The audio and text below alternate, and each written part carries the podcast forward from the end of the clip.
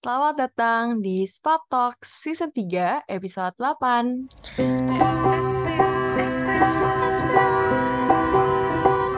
Selamat datang di SPA Talks. Halo guys, balik lagi di Spa Talks, tapi di sini ada yang baru loh. Nah, baru apa tuh, Rin?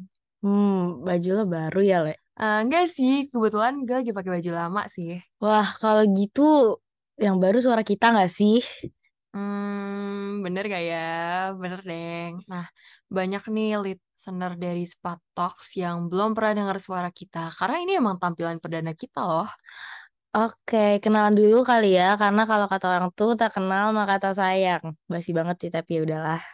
Ya kalau udah kenal jangan sampai baper, ya enggak? Kenalan dulu ya guys, hai semua. Oh, gue Maureen dari Akuntansi 2022. Kalau gue Ale dari Akuntansi 2022. Di sini kita sebagai intern baru di External Affairs Bureau loh. Salam kenal guys. Salam kenal guys. By the way, Le, gak nyangka ya udah tiga bulan aja nih kita kuliah di UI. Padahal rasanya baru kemarin kita ikut OPK. Ih, jadi kangen deh masa-masa OPK, ya gak sih? Bener banget, rasanya tuh baru kemarin gue kenalan sama teman-teman yang baru di OPK, terus kenalan sama lingkungan FE. Nah, menurut lo, hal apa sih yang paling berkesan pas lo ikutin OPK? Jujur karena rangkaian OPK tuh banyak banget dan dikemas dalam rangkaian yang apa ya sedemikian rupa. Menurutku banyak banget sih. Salah satunya itu pas kita ikut MTO. Ingat gak sih lah MTO? Yang meet the organization itu kan. Betul, itu tuh adalah suatu acara di mana para organisasi dan kepanitiaan tuh mengenalkan organisasi dan eh, rangkaian acaranya. Nah, di situ tuh gue ngerasa FE tuh ngasih banyak banget wadah kita untuk berkembang dan jadi produktif. Setuju banget Rian nih ngomong-ngomong soal menjadi produktif. Hari ini tuh kita ditemenin sama dua gestar yang cantik-cantik dan gue lihat mereka tuh eh, sibuk-sibuk gitu sama kepanitiaan sana sini. Nah, iya ya, bener juga sumpah gue ke mana-mana ngeliat mereka terus karena kayak sangat aktif ya. Langsung aja nih kenalin diri kalian dong. Oke, mungkin dari gue dulu ya. Halo semua, perkenalin nama gue Anggi, gue dari Akuntansi KKI 2021. Salam kenal. Hai Kak Anggi, salam kenal. Hai Anggi. Oke, selanjutnya izin gue perkenalan diri. Ya, ini nama gue sebenarnya agak 11-12 sama Anggi. Jadi nama gue Enji. Ah, gue dari jurusan akuntansi 2022. Salam kenal. Hai Angie, salam kenal. Oke, mungkin biar lebih dalam lagi nih kita kenalnya, kalian bisa kenalin mulai dari eh, jurusan, jalur masuk, dan alasan lo mau masuk FEB UI. Oke, oke. Nah, eh, jalur masuk gue itu dari SBMPTN, skornya nggak usah disebutin lah ya.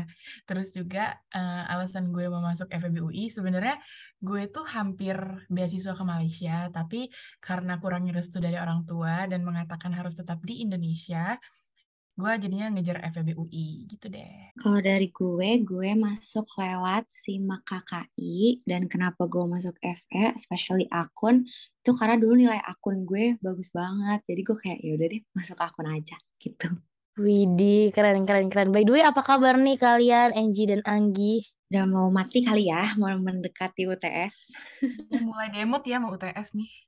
Lebih kedek-dekan gak sih? Jujur sama belum siap ya. Oke, buat Anggi nih. Coba eh, ceritain dong gimana perasaan lo pas waktu itu pertama kali keterima di akuntansi UI. Oke. Eh, perasaan gue waktu keterima pastinya senang banget ya dan gue sampai nangis teriak-teriak gitu karena gue emang eh, nggak ada backup univ, nggak ada backup plan mau masuk ke mana dan gue puji Tuhan gue keterima di SBM kan. Terus juga eh tapi setelah itu gue harus merelakan uang gue yang udah daftar simak. Terus em, gue juga hampir hampir aja DP ke swasta gitu. Tapi untungnya ya nggak apa-apa deh. Untungnya gue keterima di UI Oke, kalau buat Anggi gimana nih, Gi? Jujur gue ya udah aja sih. Kayak sesuai flow aja gitu karena emang akun UI bukan pilihan pertama gue kan. Tapi kayak tetap bersyukur keterima di UI cuman eh, ya berarti ini kayak pilihan kedua gue gitu. Cuman tetap senang sih eventually.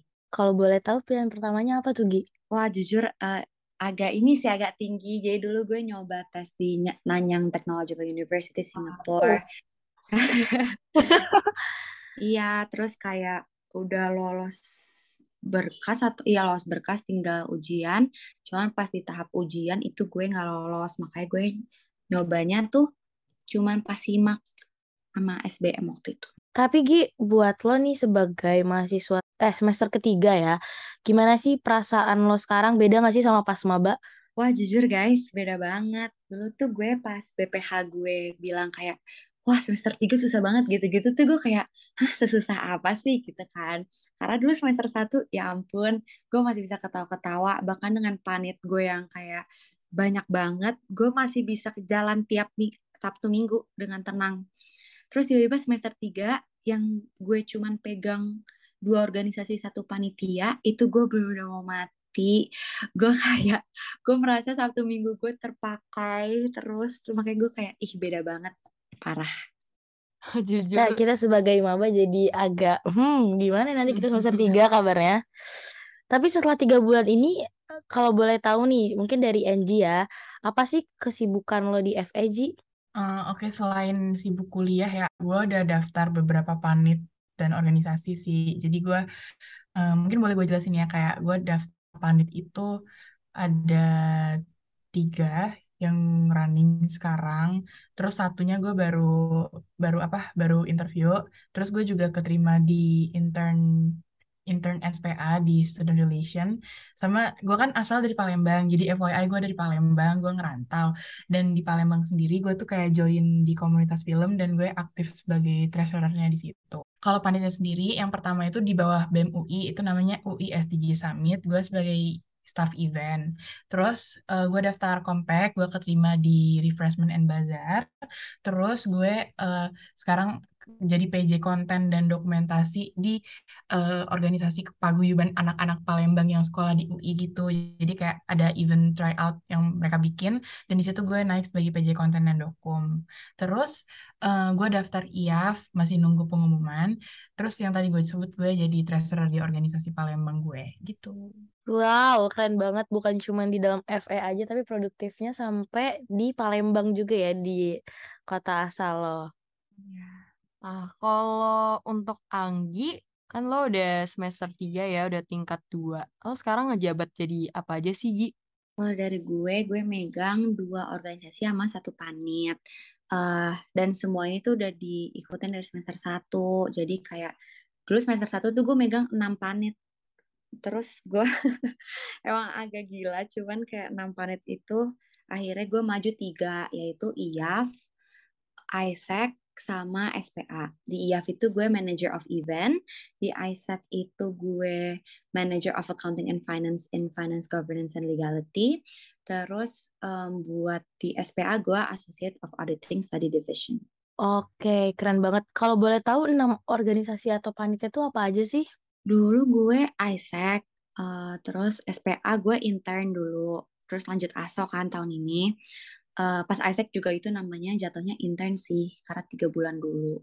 Terus gue controller SRD itu kayak panitia satu layer di bawah keilmuan BEM jadi yang pengurus intinya tuh dari angkatan uh, gue sendiri dan semua BPH juga angkatan gue.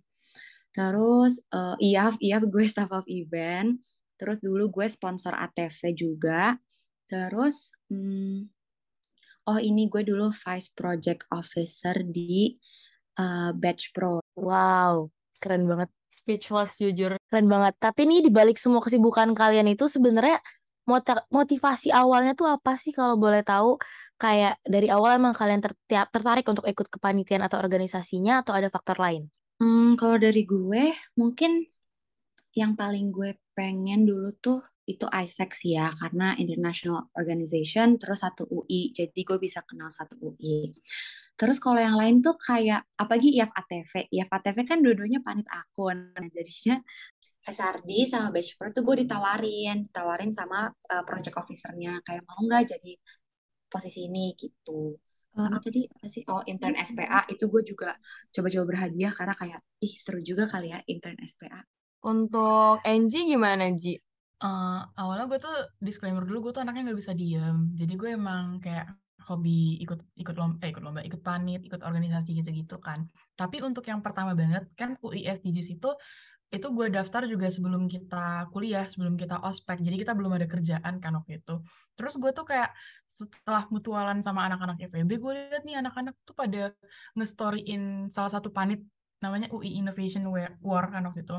Dan uh, gue FOMO, gue mau jujur gue FOMO, gue chat tuh temen gue, eh lu daftar gini-gini tau dari mana sih? Terus dia ngasih tahu info gue tentang UI SDGs, dan akhirnya gue daftar dan keterima gitu. Nah kalau untuk uh, Kompak sendiri, gue tertarik karena uh, gue juga dulu sering ikut lomba ekonomi gitu, jadi gue udah tahu Kompak. Untuk intern SPA juga sama, coba-coba berhadiah, dan puji Tuhan keterima. Gila, keren-keren.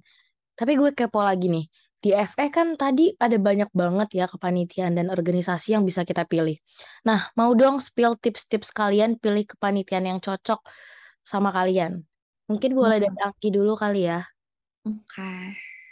Kalau dari gue, uh, gue tuh strateginya kayak misalnya at least ada panitia akun satu, terus panitia di luar akun satu, terus panitia satu UI satu gitu. Jadi gue bisa kenal uh, get to know anak akun better, tapi gue juga kenal anak satu FE, sama gue kenal anak satu UI gitu. Oke, kalau dari gue sendiri sebenarnya juga sama sih. Kayak gue juga ngerasa udah cukup dengan beberapa panit yang gue punya sekarang. Uh, gue ngelihat dari kayak uh, visi, nggak terlalu lihat dari visi misinya juga sih. Cuman kayak uh, seberapa kayak kan kalau beberapa big three itu udah lama gitu cikan. Jadi menurut gue kayak mungkin sistematisnya juga, juga udah bagus dan menarik untuk kita coba gitu.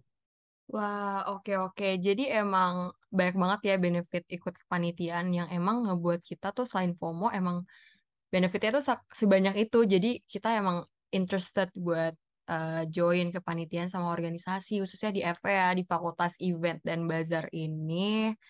Nah, oke Gen, gue punya pertanyaan nih. Mungkin buat Anggi aja ya, karena kan udah nggak jadi maba lagi nih. Gi, lo punya nggak sih tips buat uh, para maba atau calon maba yang jadi dengerin Spatox, lo punya pesan gak sih buat mereka atau lo ngerekomen mereka buat ikut banyak panit kayak lo nih yang ikut enam panit pas maba atau kayak lo gak ngerekomen itu gitu. Oke, okay, kalau dari gue itu tergantung capability masing-masing orang aja sih. Kayak kayak misalnya nih Angie, Angie kan nggak bisa diam gitu kan jadi dia daftar back panit karena gue juga gitu kalau misalnya gue nggak banyak kerjaan itu gue malah yang stres sendiri kalau gue nggak kerja. Jadi kayaknya dulu tuh pas maba gue kayak ya udah deh sibuk-sibukin diri aja. Nah tapi uh, kalau misal kalian mau ngambil enam panit di masa offline gue sangat amat gak merekomendasi.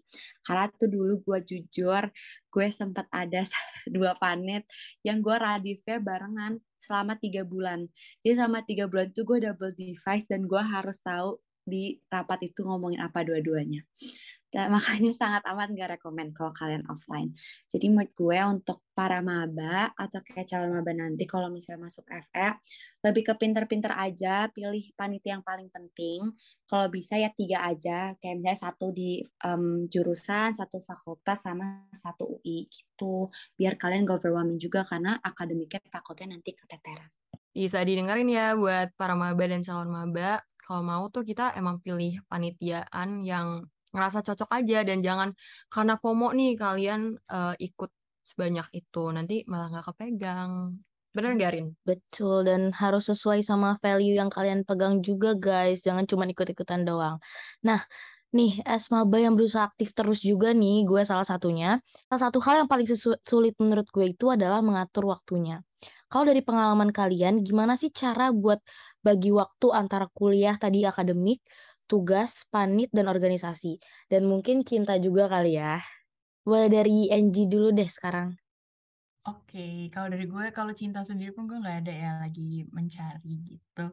Biasanya uh, kalau kuliah dan tugas itu gue kerjanya dari pagi-pagi atau siang-siang gitu. Pokoknya itu jam kerja gue untuk kuliah dan tugas. Sedangkan kalau malam baru gue ngerjain kerjaan-kerjaan panit gitu. Tapi kan untuk panitnya sendiri kan nggak mungkin ada kerjaan tiap hari kan. Dan tapi saran dari gue sih, pinter-pinter kalian uh, naruh skala prioritas dan waktunya juga, jangan jadi deadlineer gitu. Dan balik-balik ke kapasitas kalian sendiri kira-kira kalian tuh butuh waktu berapa lama untuk ngerjain tugas kan? Kayak kalau untuk ngerjain PA atau ngerjain tugas-tugas yang ribet itu kan kadang lama dan tergantung balik-balik ke kemampuan kalian sendiri gitu jadi mau berapa lama ngerjainnya. Jadi paling utama juga kalian harus um, kenal diri kalian sendiri. Saran gue sih bikin pakai Google Calendar atau bikin dat uh, bikin to-do sehari-hari gitu.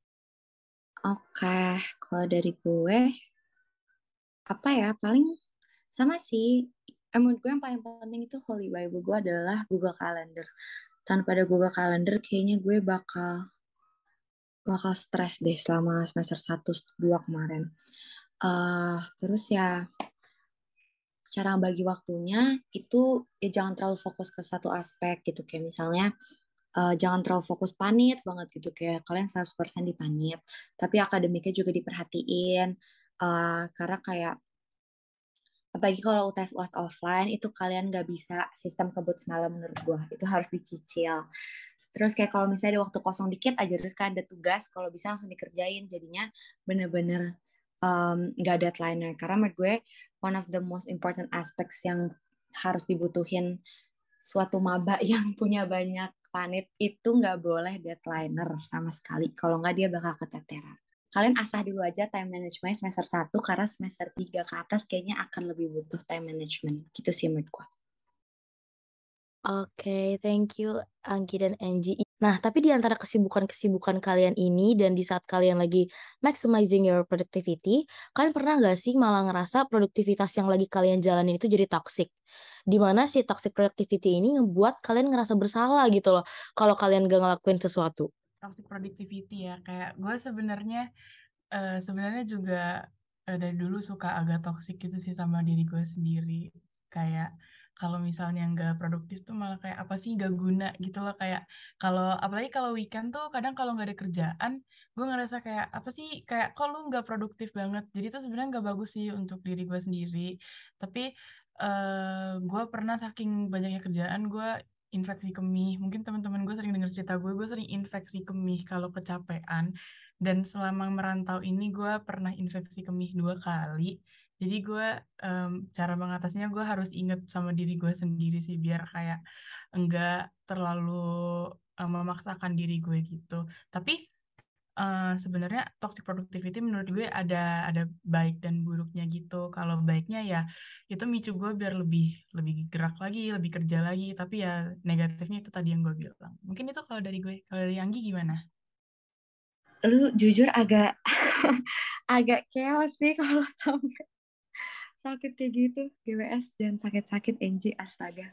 Sebagai sebagai ASO SPA nih kayaknya ASO SR perlu di perlu diberitahu ya internet seperti ini. Tapi kalau dari gue, um, gue apa ya kayaknya nggak toxic deh. Karena gue tuh jujur kalau gue nggak ngerjain apa-apa ya gue ya udah. Cuman kalau gue ngerjain sesuatu juga ya udah gue kerjain. Tapi kalau misalnya one day gue tiba-tiba gak ada kerja nih selama satu minggu full ya gue senang-senang aja. Gue bukan kayak eh kok gue nggak ngerjain tugas sih kayak teman-teman gue gitu. Malah gue kayak aduh serang banget akhirnya dapet waktu kosong. Karena dulu tuh kayak uh, dikit-dikit panit ini ada disuruh ini terus kayak harus bikin ini terus uh, kayak misalnya monthly report lah banyak banget. Terus makanya gue senang banget kalau misalnya waktu kosong. Gue sih merasa nggak pernah toxic productivity ya. Mungkin pernah sekali dua kali. Cuman kayak uh, itu bukan sesuatu yang sering uh, gue rasain Wow, sumpah uh, gue kaget juga sih dengar ceritanya Angie ya.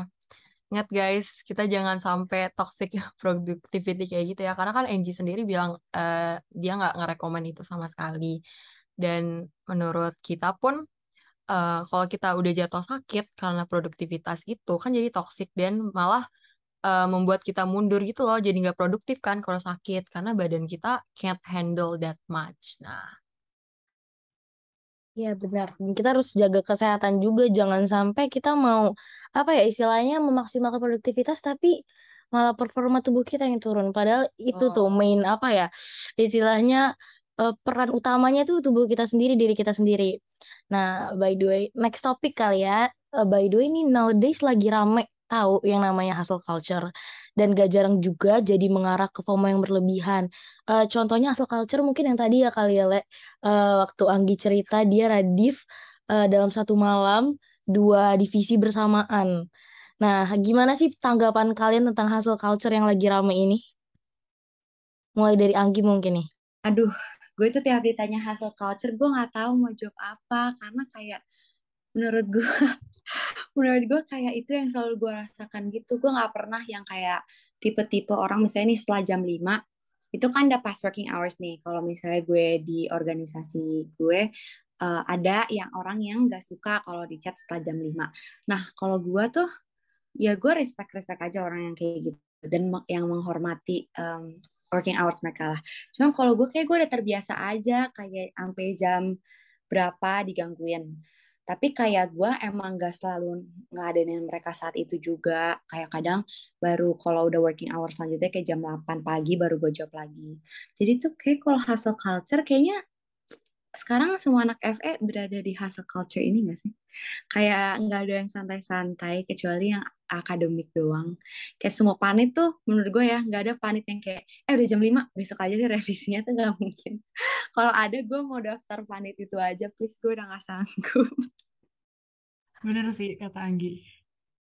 Ih, sumpah setuju banget. Tapi kalau misalnya dari pandangan lo gimana Ji? Mungkin beda kali sama POV-nya Anggi mengenai hustle culture.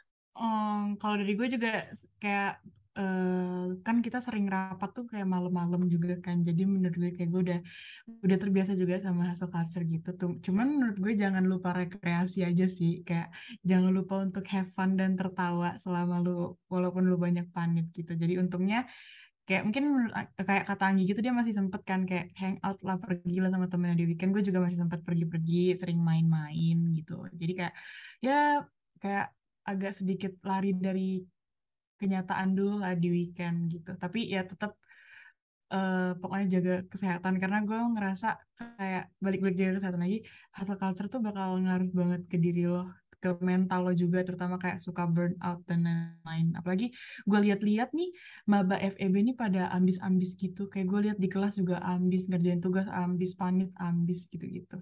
Jadi ya sayangi diri sendiri deh Betul banget ya guys, jangan lupa untuk sayangi diri sendiri karena again uh, health itu our health is our priority ya. Kalau kita mau tetap long run lah productivity-nya. Better buat konsisten daripada kita uh, terus maksimalin eh terus tanya kita sakit.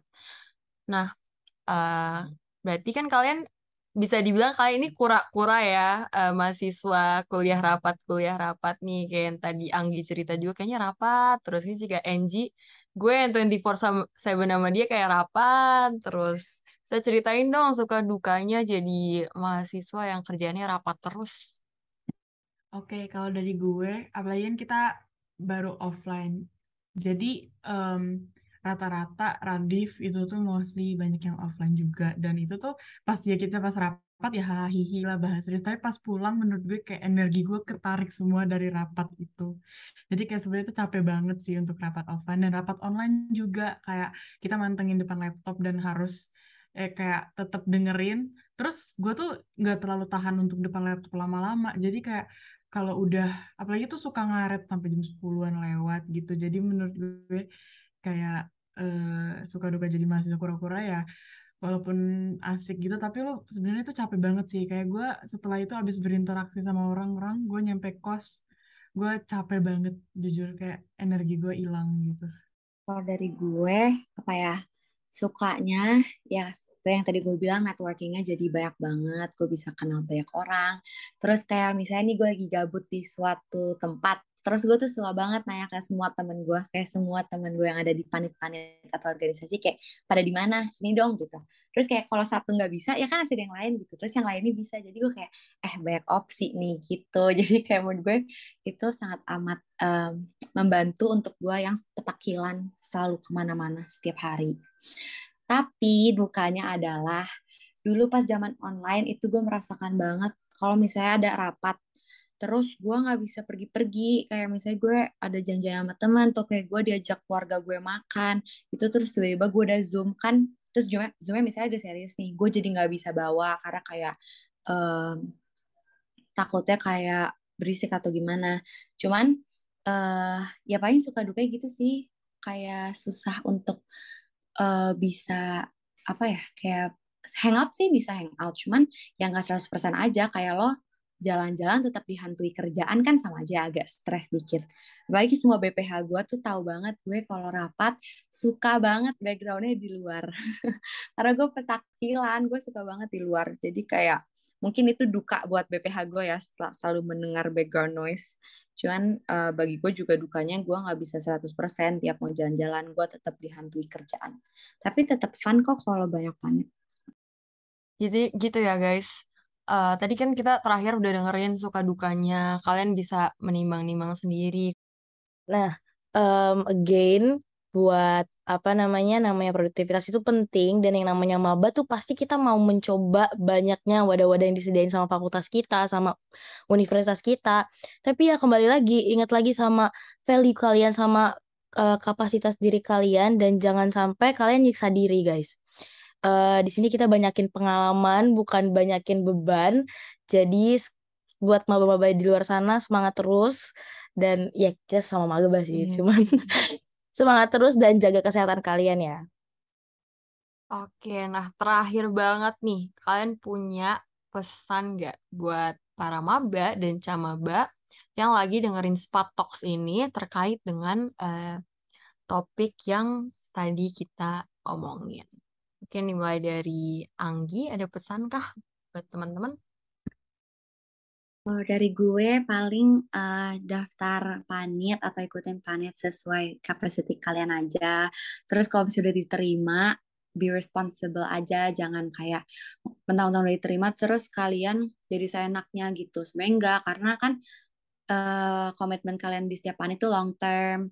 Terus kayak nanti kalau kalian jelek satu panit pasti panit lain dengar gitu. Jadi lebih ke hati-hati dalam making decision. Udah karena kita kan juga udah mahasiswa ya udah bisa making a wise decision lah jatuhnya jadi uh, lihat dulu ke diri masing-masing gak usah FOMOan kayak karena bisa jadi yang kalian FOMOin tuh emang emang orang gila emang kayak emang kerjaannya panit belajar panit belajar gitu-gitu dan kapasitas orang kan beda-beda ya jadi jangan FOMOan uh, lihat diri kalian perhatiin diri kalian dulu terus kalau misalnya kalian yakin kalian bisa baru deh daftar panit-panit terus be responsible paling gitu sih dari gue Oke, kalau gimana Ji?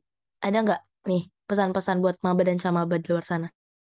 Hmm, sebenarnya 11-12 sih. Jadi kalau dari gue untuk camaba FEB UI, uh, selain semangat ngabis UTBK-nya, tetap apa nikmati dulu masa-masa SMA lo. Kayak gue udah merasa kangen masa-masa SMA walaupun masih di semester pertama. Terus juga um, untuk maba-maba, apalagi untuk angkatan gue kayak uh, bener kayak tahu limit lo sendiri jangan jangan overwork juga sama diri lo jangan FOMO harus pinter-pinter jaga diri dan kenali diri lo menurut gue itu aja sih dari gue mantap uh, bener guys maximize your potential tapi know your limit nah oke okay. Thank you so much buat Anggi dan Angie yang udah luangin waktunya. Thank you juga buat kalian semua Spatox listener yang setia menemani kita sampai akhir.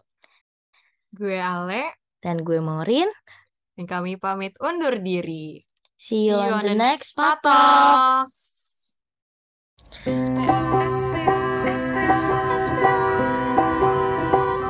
Selamat datang di SPA